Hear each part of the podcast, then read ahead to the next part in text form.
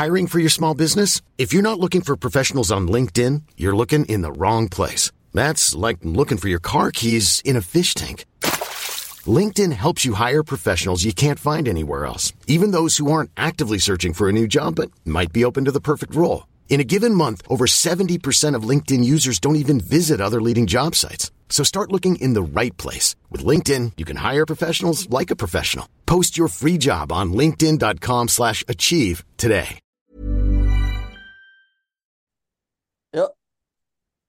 Halo pendengar Gimi Podcast, balik lagi bersama kita berdua dan pada episode kali ini kita akan mulai dengan Wembley, Wembley. We are famous man united and we go to Wembley. Hai.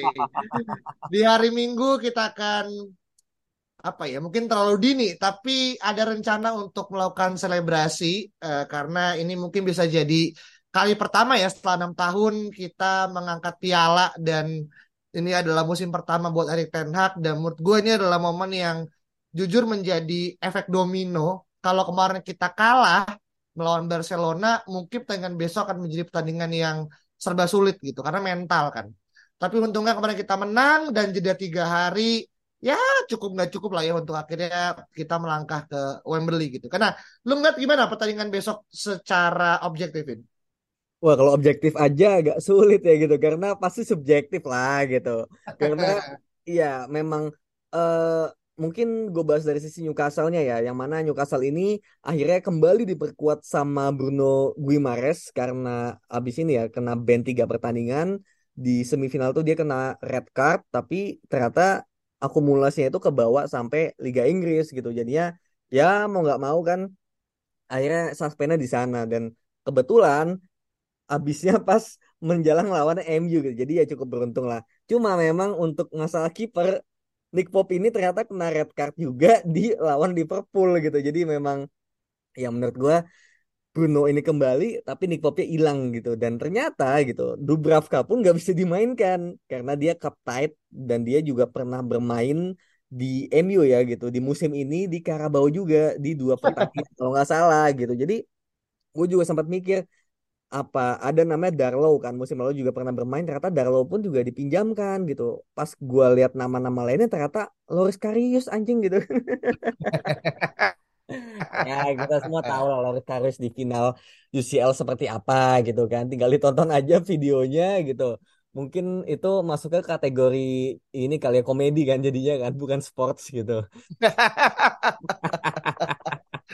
Iya, gitu. iya. Gitu sih jadi mungkin kalau situasi Newcastle tuh seperti itu Hmm, oke. Jadi memang sebenarnya uh, plus minus ya. Plusnya uh, Bruno Gomez balik ya setelah akumulasi, tapi negatifnya Nick Pope yang sebenarnya kartu merahnya juga agak konyol ya, karena dia kan menangkap bola ya kalau nggak salah ya, di luar dari zona gawang kan. Ketika kuotan saat itu kalau nggak salah Muhammad Salah ya, yang lolos dari jebakan offside dan entah sengaja atau nggak sengaja Pop melakukan kesalahan yang menurut gue cukup blunder gitu.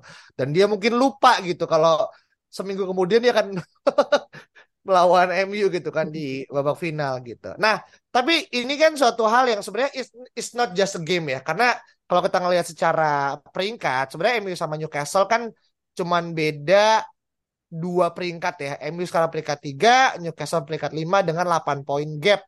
Dengan Newcastle punya satu game in hand gitu kan. Tapi kalau kita ngelihat secara form gitu kan, Sebenarnya kalau di babak semifinal ya, MU kan total agregat menang 5-0 ya lawan Nottingham sedangkan uh, Eddie Howe tim ya itu uh, mengalahkan Southampton ya uh, dengan skor total 3-1 secara agregat gitu.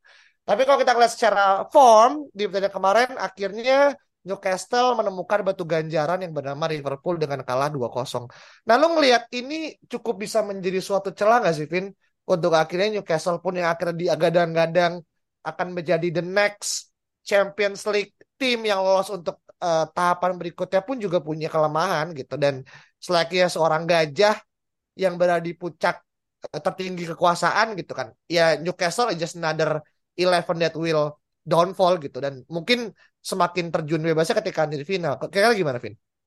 Ya menurut gue apa ya Newcastle ini memang tadi juga gue sempat baca ulasannya dari Ten Hag bahwa Newcastle ini tim yang suka mengulur-ulur waktu, kemudian juga apa ya, suka membuat hal-hal yang sifatnya itu eh annoyed the game itself gitu loh. Jadi menurut gue ini juga bisa menjadi satu sisi yang mungkin merugikan ya ketika mungkin MU juga lagi menyerang, kemudian lagi dapat anginnya gitu, kemudian diganggu dengan hal-hal yang sifatnya ya apa ya mungkin bukan curang tapi kayak ya tidak inilah nggak nggak elok lah kasarnya gitu kan.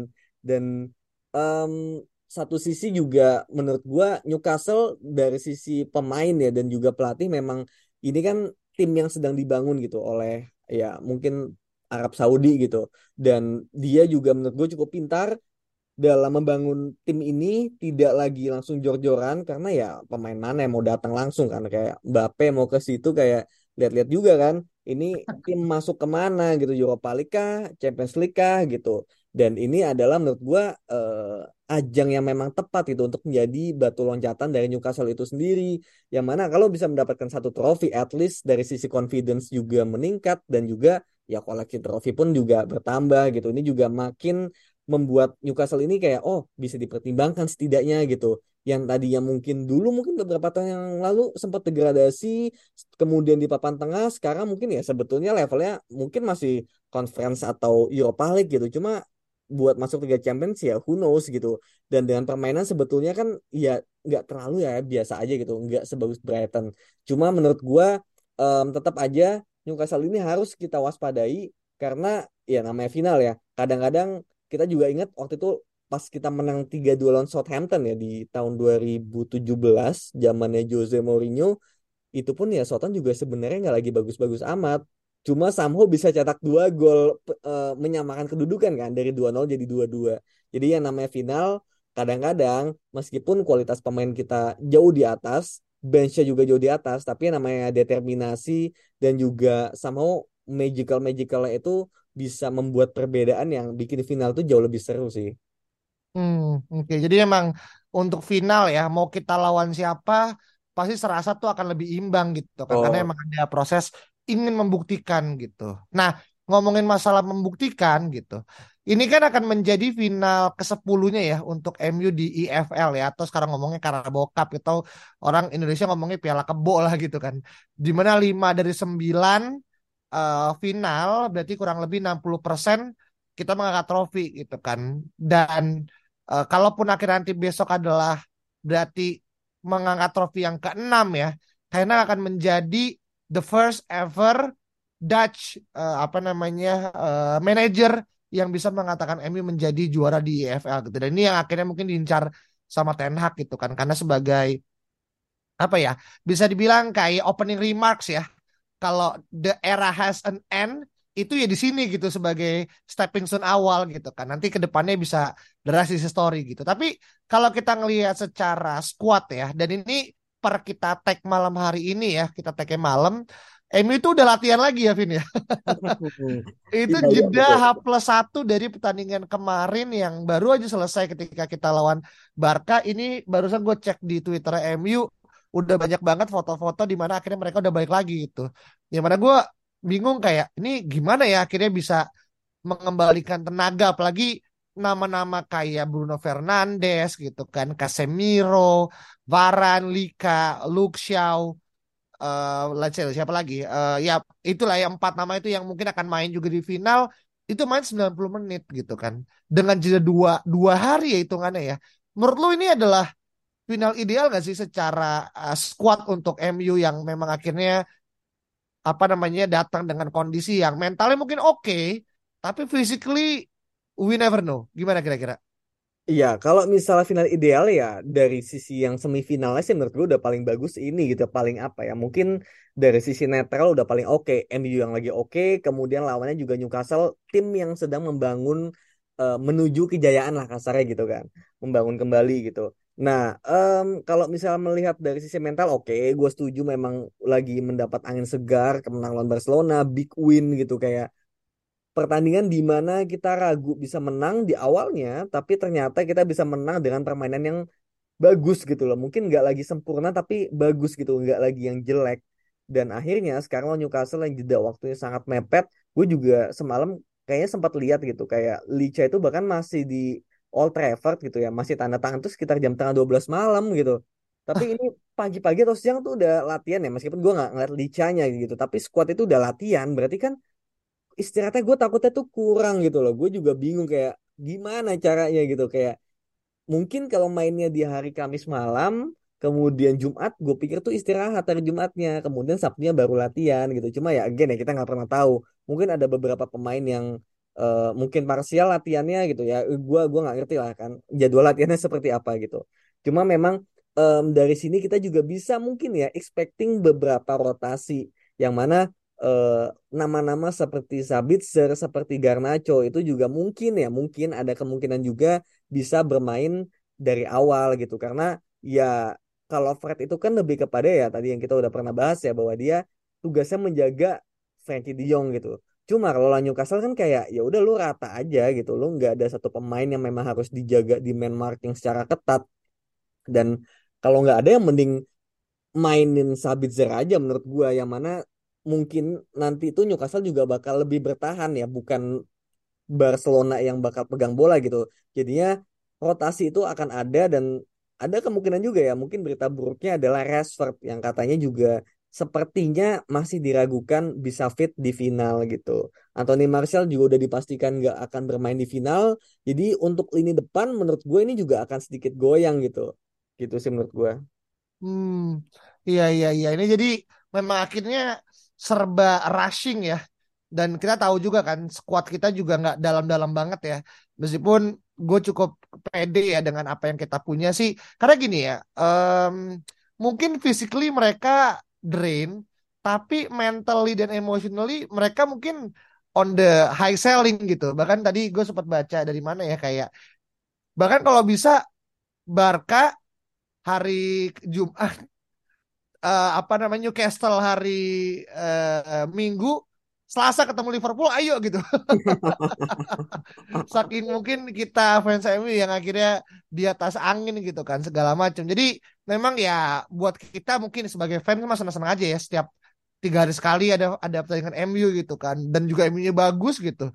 Jadi mah kita merasa terus mendapat angin segar. Tapi ya well pemain kan juga manusia ya dia juga butuh apa namanya uh, istirahat dan kita lihat lah bagaimana akhirnya Ten Hag akan datang dengan press conference ya besok ya.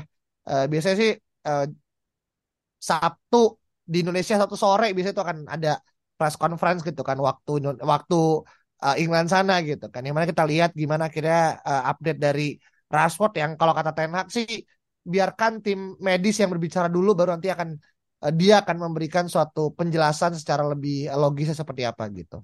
Nah, tapi gini Vin, ngomongin masalah Newcastle ya. Dia itu uh, ini mungkin tahun ke-24 uh, berarti 24 tahun menunggu untuk akhirnya dia itu balik ke Wembley ya setelah terakhir kali gitu kan um, Newcastle ke Wembley itu tahun 1999 dan saat itu di final juga FA dan kalah sama MU ketika kita berhasil treble. Ya kan? Kita menang 2-0 gitu kan. Dan ini bisa dibilang adalah misi balas dendam ya. Meskipun udah 24 tahun berlalu tapi ya namanya juga dendam gitu kan. Uh, harus terbalaskan gitu kan. Nah lu ngelihat kalau ngomongin masalah sejarah ini akan menjadi salah satu um, apa ya bahan untuk House dan kawan-kawan gitu kan atau justru ya itu udah terlalu tua lah untuk akhirnya para pemain mengingat dan juga akhirnya memiliki suatu memori kolektif gitu apalagi kalau kita lihat ya from Newcastle dari empat pertandingan terakhir mereka cuma menang sekali doang, Vin. Menang sekali, draw dua kali, kalah sekali gitu. Yang mana berbeda jauh sama MU gitu. ya kalau kita lihat di all competition dari lima pertandingan gitu kan, kita draw dua kali, menang tiga kali gitu kan. Yang mana jauh lebih hijau lah secara raport gitu. Nah lu ngelihat dua korelasi antara dendam yang harus dibalaskan di tahun 1999 dan juga form yang akhirnya sekarang menjadi salah satu penentu kira-kira apa yang lo bisa dijadikan titik temunya Vin? Iya menurut gua kalau tahun 99 sih udah terlalu lama sih ya gitu. Dan juga Newcastle juga udah beda Newcastle yang dulu sama sekarang. Sekarang udah sama Saudi. Kemudian uh, eh, MU pun juga udah beda gitu. Dan kayak ya let's say ya kayak misalnya um, kasarnya MU gitu di kompetisi Eropa beberapa tahun terakhir kesulitan lawan tim-tim Spanyol gitu. Cuma ya somehow di zaman Erik Ten Hag ini lawan tim Spanyol malah bisa gitu. Meskipun lawan Sociedad di awal sempat agak kesulitan ya. Cuma itu kan another thing lah karena masih awal gitu. Cuma ternyata Barcelona pun bisa kita atasi gitu. Kita nggak lagi mengandalkan sejarah beberapa tahun lalu yang MU ini kesulitan melawan tim Spanyol gitu. Ya kalau emang dari sisi permainan kitanya juga filosofi udah berubah, ya menurut gue ya udah gitu. Sejarah ya sejarah gitu. Mungkin bisa dijadikan sebagai catatan aja, tapi bukanlah menjadi benchmark gitu. Apalagi udah tahun 99 udah terlalu jauh menurut gue. Tapi kalau misalnya form beberapa pertandingan terakhir, nah itulah yang menurut gue bisa menjadi benchmark gitu. Di mana Newcastle juga tidak sedang dalam performa terbaiknya, yang mana ya menurut gue ya Bruno Gimares ini memang sangat berpengaruh dalam permainannya gitu.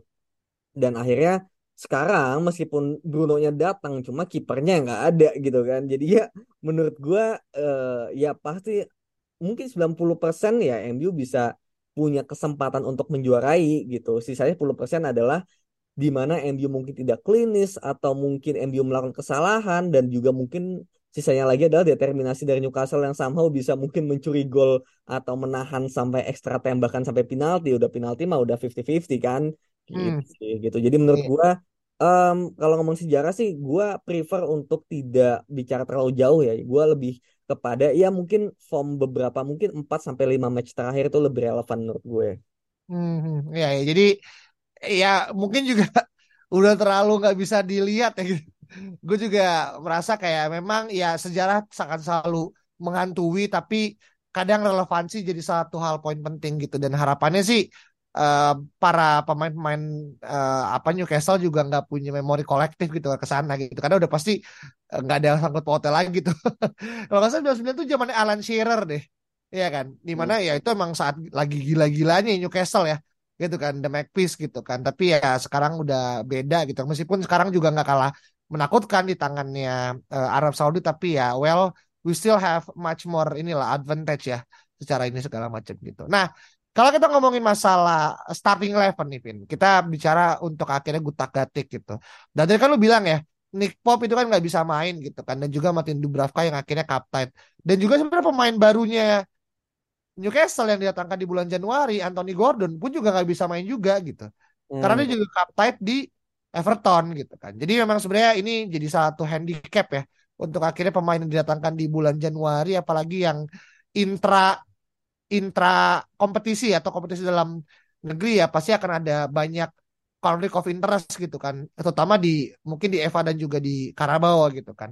Nah lo ngeliat akhirnya komposisi terbaik yang mungkin akan diturunkan Ten Hag as in secara formasi itu seperti apa? Apakah lo akan ngerasa 80% squad yang lawan Barcelona akan turun atau mungkin ada kejutan-kejutan yang mungkin bisa dijadikan suatu senjata untuk akhirnya melawan Newcastle yang mungkin akan lebih rapat ya akan mungkin gue nggak bilang low block tapi lebih rapat gitu dan mungkin akan mengandalkan counter attack yang dimulai dari Almiron di sisi kanan dan juga Saint Maximin di sisi kiri gitu Vin.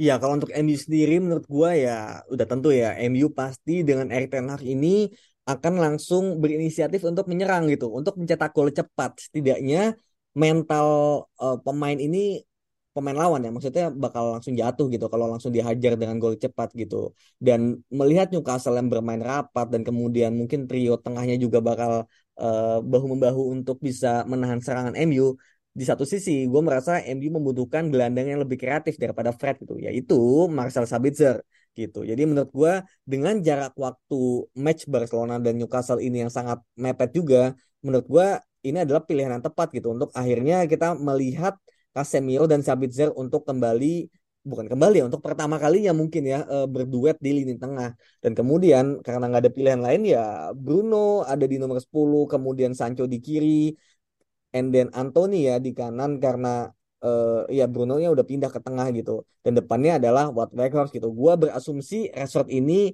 bakal absen ya atau mungkin dia cuma kuatnya beberapa menit gitu kayak ya mungkin setengah jam atau 20 menitan gitu. Dan Garnacho juga gue melihatnya dia bisa menjadi senjata pamungkas di akhir ketika kita deadlock dan menurut gua untuk lini belakang sih mungkin pro kontranya adalah siapa yang akan bermain gitu kan di sisi bek kanan gitu Dalo ataupun Wan Bisaka gitu dan gua melihat eh, mungkin bingung gitu ya. Satu sisi untuk membuka uh, Grendel pertahanan Newcastle yang uh, apa ya mungkin cukup rapat gitu. Menurut gue Diogo Dalot adalah orang yang tepat gitu untuk membongkar itu. Tapi satu sisi kalau kita melihat juga adalah Alan Sang Maximang ini kan yang ada di kiri yang bisa menghajar kita dengan dribble dan kecepatannya yang menurut gue Wan Bisaka adalah orang yang lebih tepat gitu. Jadi inilah mungkin dilemanya Ten Hag ya di mana apakah MU akan lebih berani gitu bermain menyerang atau lebih ke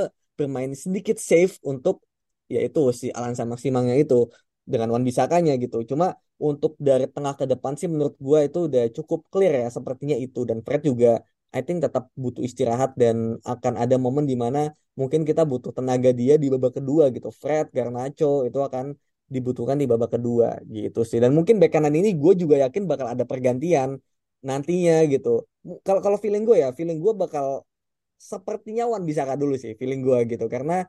Awal-awal hmm. bakal ketat tidak akan semudah itu dan kayaknya ya udah. Meskipun sisi kanan ini mungkin mandek tapi masih ada sisi kiri dan sisi tengah gitu. Dan kanan ini masih ada Anthony juga kan gitu. Jadi menurut gue untuk amannya mungkin Wan Bisaka dulu. Nah nanti kayak lawan Barcelona di menit 60-an 70-an udah lo masukin dengan tenaga yang mungkin masih fresh banget. Ya di situ Alan sama Maksimalnya juga pasti udah capek kan gitu. Jadinya mungkin Dalo pun juga nggak akan segitunya kesulitan tidak seperti babak pertama yang masih berapi-api gitu sih menurut gue hmm. Iya ya. Dah, ini munculin dua pertanyaan ya. Satu, ya apakah memainkan Sabitzer dan juga Casemiro untuk kali pertama ya di level pertandingan yang bisa dibilang mega match gitu ya. Apakah tidak terlalu beresiko gitu karena menurut gua eh, harusnya dan ini bukan bukan kesalahan Casemiro ataupun juga kesalahan Sabitzer sih. Cuman kayak harusnya mereka pernah main minimal sekali lah gitu. Dan sebenarnya match yang paling bagus tuh match kemarin lawan Barca ya. Untuk menjadi salah satu battlefield mereka untuk akhirnya build connections gitu kan. Tapi gue nggak tahu apakah dalam kurun waktu dua hari Tenak bisa akhirnya matchmaking dia jadi best pairing gitu. Yaitu hal yang mungkin perlu kita soroti. Karena pertandingan awal antara Fred dan juga Sabitzer ya. Pas lawan Leeds kan juga ada beberapa momen akhirnya mereka juga lost connection kan Vin dalam arti mereka nggak yang bisa nyetel gitu kan jadi gua sedikit banyak lebih uh, apa ya lebih prefer Fred dan juga Casemiro karena based on form aja gitu dan hmm. dia tahu Fred punya energi yang ya bisa dibilang mungkin gue ngomong ini kayak three lungs Fred gitu. Dulu kan kita punya Trilung Spark ya, sekarang kita punya yeah. Trilung Fred yang menurut gue sih secara uh, daya jelajah dan juga kemauan bermain dia sangat tinggi banget gitu. Dan formnya dia lagi bagus. Jadi ya gue nggak wonder kalau misalkan tenang akan memainkan Fed ketimbang Sabitzer yang kalau beresiko itu yang pertama. Yang kedua sebenarnya satu hal yang gue takutin dari Maximim tuh adalah te tekukan tekukannya gitu. Hmm. iya gak sih? Kalau lihat gitu kan dia kan selalu nekuk bola gitu kan. Yang mana ya kalau Dalot yang dimainin bener lu bilang gitu. Dia nggak cukup punya defensive awareness yang setinggi Wan Bisaka gitu yang akhirnya bisa langsung main kaki panjangnya untuk akhirnya nge chip bola dan ini segala macam gitu kan. Tapi ya baik lagi uh, yang gue selalu kritik adalah ketika Anthony dan juga Wan Bisaka main mereka belum terbukti secara koneksi ya bisa melakukan gebrakan yang menurut gue cukup eksplosif gitu. Dan kita harus bersiap kalau misalkan memang mereka yang main ya Anthony akan lebih banyak bekerja gitu ya. Mungkin akan dibantu dari Bruno ya. Ya akan sedikit geser ke kanan kan. Untuk akhirnya ngebantuin link up play di sisi sayap dan akhirnya uh, Anthony akan melanjutkan gitu. Dan ya itu sih dari pandangan gue sih. Nah lu ngerasa itu jadi satu opsi nggak? Atau lu merasa emang ada hal yang akhirnya bekerja di banyak player yang mungkin nggak bisa dijelaskan secara apa namanya logika Vin? Iya menurut gue sih udah nggak ada lagi sih yang bisa di apa ya kayak hal-hal namanya final ya menurut gue ini juga akan menjadi hal di mana yang pastinya Ten Hag ini udah punya plan, pasti dia udah punya ide ya. bagaimana ya. untuk mengalahkan Newcastle gitu di babak pertama, let's say gitu kan. Nah, ini mungkin menariknya gitu kalau misalnya ternyata Newcastle unggul atau masih 0-0. Nah, mungkin yang seru adalah ya perubahan apa gitu yang akan dilakukan oleh Ten Hag gitu. Dan kalau misalnya Rashford beneran gak ada, ya ini juga pasti bakal menjadi pukulan juga kan gitu kayak MU kehilangan Rashford dan ya Newcastle kehilangan Nick Pope gitu. Jadi somehow meskipun di level yang berbeda cuma sama-sama kehilangan pemain salah satu pemain paling pentingnya gitu. Itu mungkin bisa menjadi final yang sedikit lebih imbang lah kasarnya dari sisi kehilangan pemain ya gitu. Dan um, itulah gitu di mana nanti babak kedua atau di menit-menit krusial 60-an, 70-an itu kejeniusan pelatih masing-masing tim dalam membaca permainan, dalam melihat perubahan taktik lawan ini juga akan sangat diuji dan kita juga bakal melihat gitu kayak ini lebih bermain mental sih gitu. Dan yang mana ketika kita di zaman Oleh kan itu tidak terlihat ya. Ketika tim sedang buntu ya clueless gitu. Apa yang akan dilakukan tuh nggak nggak tahu gitu. Plan A tidak berjalan nggak punya plan B plan C plan D nggak ada gitu. Dan gue cukup yakin gitu ketika Tenak ini di match-match sebelumnya bisa bagus gitu ya nggak ada alasan di match ini juga bisa bagus juga gitu. Tinggal semoga eksekusinya juga bagus dan juga memang pemain bisa deliver itu dan akhirnya juga bisa membuahkan kemenangan gitu. Gue sih cukup yakin ya gitu bahwa meskipun ini akan menjadi lagi yang sulit tapi somehow eh, gue ya gue masih yakin lah MU itu pasti bisa lah. Dan juga nih gue juga sembari pas lo ngomong ya, gue juga sembari melihat beberapa situs ya referensi gitu kan. Kebanyakan sih situs judi. itu mereka emang bettingnya ke MU semua sih. Even kayak ada yang yang bilang tiga satu lah, dua satu lah, ada yang penalti dan semoga sih nggak penalti ya. Karena menurut gue cukup deg-degan kalau penalti itu kayak lu bisa aja tim besar tapi ketika mental lu ciut ya kalah gitu. Dan kita tahu Wembley eh, apa ya? Ya cukup punya magisnya sendiri lah untuk tim lokal dan ya MU mungkin menang secara di atas kertas tapi di atas lapangan bisa jadi hal yang berbeda gitu kan. Nah ini tapi gini ini juga menarik ya dari Tenak mengatakan statement kalau semisal MU juara MU nggak akan melakukan parade gitu. yang mana sebenarnya emang sudah seharusnya ya gitu ya. Karena meskipun nggak tahu ya, kayak dahaga gelar tuh akan menjadi suatu hal yang sebenarnya dibenarkan aja gitu. Kayak enam tahun lu nggak lu nggak megang trofi men gitu. Ini untuk pertama kalinya lu megang gitu kan. Ya menurut gue sih wajar kalau misalkan agak sedikit berlebihan gitu kan. Tapi eh, Tenak sendiri bilang enggak itu nggak akan dilakukan kecuali kita menang dua piala gitu. hmm, yang mana ya, ya. orang bilang target yang sisa MU ya sebenarnya bukan empat tapi dua gitu. Tapi satu lagi itu apa ya kita nggak pernah tahu gitu. Karena lu ngelihat mentalitas yang dibawa Tenak ya untuk akhirnya sedikit banyak mengembalikan uh, kelas MU pada level mentalitas yang bahkan ya kita udah hilang jauh ya gitu kan di eranya mungkin Moyes di eranya Tenak apalagi di era Mourinho, Van Gaal gitu. Lo ngeliatnya gimana nih untuk akhirnya memberikan semangat untuk pemain di uh, match final, Vin? Ya untuk mentalitas ini memang beda ya gitu. Ten Hag ini punya pendekatan yang beda bahwa ya cuma Karabau aja lu ngapain selebrasi kasarnya gitu kan. Nah, dia yeah. kan lebih kepada ya biar biar kita tuh nggak terlalu puas gitu dengan satu, tapi cukup menjadi booster aja untuk pada akhirnya bisa meraih trofi lainnya. Mungkin FA Cup juga kali ya yang mungkin masih lebih realistis gitu. Europa League juga masih realistis sebetulnya gitu. Cuma memang panjang kan fasenya gitu. Liga Inggris ya menurut gua ya kita wait and see dan bersiap aja gitu. Kita nggak usah berharap macam-macam lah gitu. Jadi menurut gua mentalitas ini adalah hal yang memang sangat pada akhirnya tersorot juga bagaimana Ten Hag ini berhasil mengembalikan itu kita juga bisa bermain dengan ya apa ya kayak nggak takut gitu loh. Bahkan lawan Barcelona pun kita away tuh nggak ada takut takutnya gitu. Itu satu hal yang hmm. mungkin gue juga bangga gitu. Lawan Arsenal pun sebetulnya gue yakin kalau ada Casemiro itu imbang atau menang tuh bisa gitu loh. Cuma suwe aja kita kaget tiba-tiba Casemiro harus tidak bermain dan kita nggak punya pemain yang bisa bermain di sana gitu. Jadi menurut gue uh, masalah mentalitas harusnya udah nggak perlu diragukan harusnya bisa lebih bagus ya dari Newcastle gitu.